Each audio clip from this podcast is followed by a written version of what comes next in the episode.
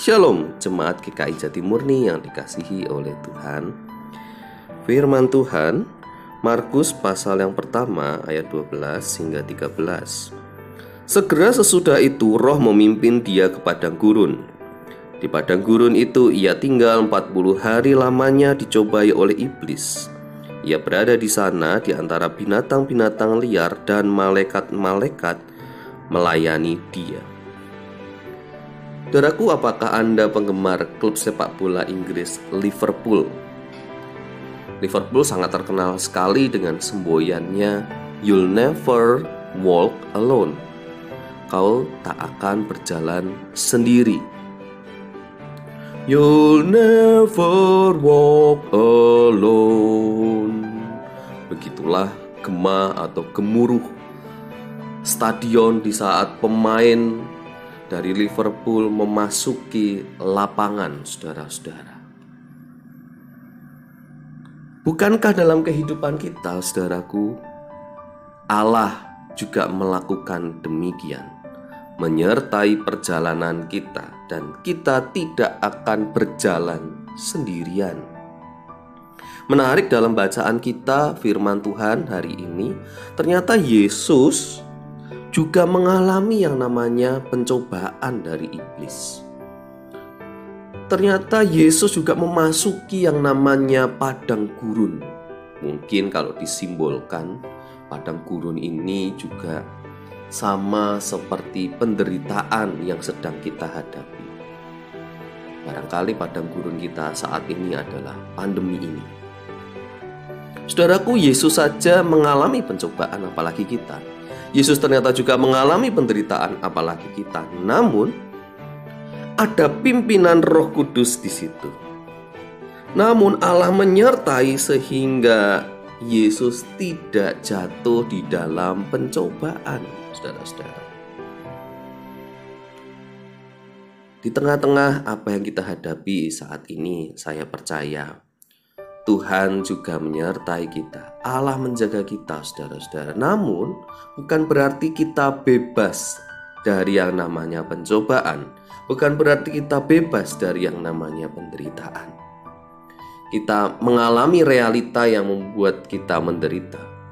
Mungkin kita sedang melakukan isolasi mandiri, mungkin kita saat ini bahkan ada di rumah sakit Mungkin di tengah pekerjaan kita, kita tergoda di tengah-tengah ekonomi yang tidak mudah ini. Banyak godaan-godaan untuk melakukan dosa di tengah situasi pandemi penderitaan saat ini.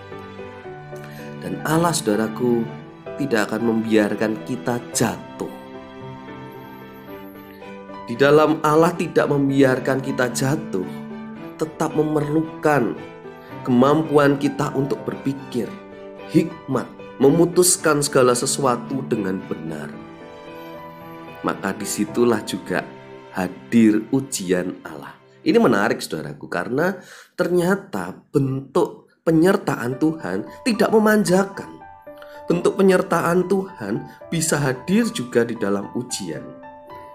Pendeta Yowasa di Prasetya mengatakan dalam pengalaman, dalam satu peristiwa ada dua dimensi sekaligus. Ada pencobaan dari iblis, juga ada ujian dari Allah. Bedanya adalah kalau cobaan dari iblis itu menjatuhkan, membuat kita jatuh terpuruk di dalam dosa. Sedangkan ujian dari Tuhan membuat kita bertumbuh dewasa, semakin lebih baik iman kita, semakin yakin dan percaya kepada Tuhan. Maka kita bersyukur Jikalau kita ada di tengah-tengah padang gurun dan sedang mengalami pencobaan, sadarilah bahwa Tuhan tidak meninggalkan kita. Kita diminta untuk lebih peka akan kehadiran ilahi di dalam setiap peristiwa, namun sekaligus mewaspadai pada kehadiran kuasa-kuasa jahat, saudaraku. Maka Allah yang setia, saudara-saudara, bukanlah Allah yang akhirnya membuat kita tak berdaya. Allah yang memberikan penyertaan adalah Allah yang membuat kita berkembang di dalam pekerjaan karya kita, sekaligus berjuang di dalam cinta kita terhadap sesama. Semoga kita dapat segera melalui pandemi ini dan di dalam setiap pencobaan yang kita hadapi di dunia ini kita mampu bertahan memenangkannya bersama-sama dengan Allah. Tuhan memberkati kita semua. Mari kita berdoa.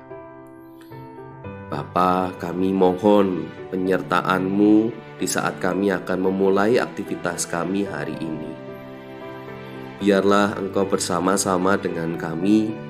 Kami percaya Tuhan bahwa kami berjalan bersama-sama denganmu. Engkau yang mengingatkan kami. Engkau yang coba mengarahkan kami supaya kami tidak jatuh dalam pencobaan. Berikanlah kami kepekaan. Berikanlah kami hikmat kebijaksanaan. Supaya kami menyadari, kami tahu apa yang kami putuskan ya Tuhan. Kami merasakan Tuhan rengkuhan cinta kasih-Mu di tengah segala keterbatasan kami. Terlebih kami yang sedang berjuang di tengah pandemi ini. Mungkin kami juga sedang mengalami bencana-bencana yang ada. Banjir. Kami yang sedang repot Tuhan untuk membersihkan sisa-sisa bekas dari banjir. Kami mohon Tuhan Engkau yang selalu ada di dalam kehidupan kami ini biarlah kami juga dapat merespon dengan segenap hati kami dan kami belajar Tuhan untuk juga dapat bertumbuh di dalam setiap ujian kehidupan yang kau berikan. Kami bersyukur karena itu mendewasakan, membuat kami sebagai orang Kristen yang semakin dewasa hari demi hari.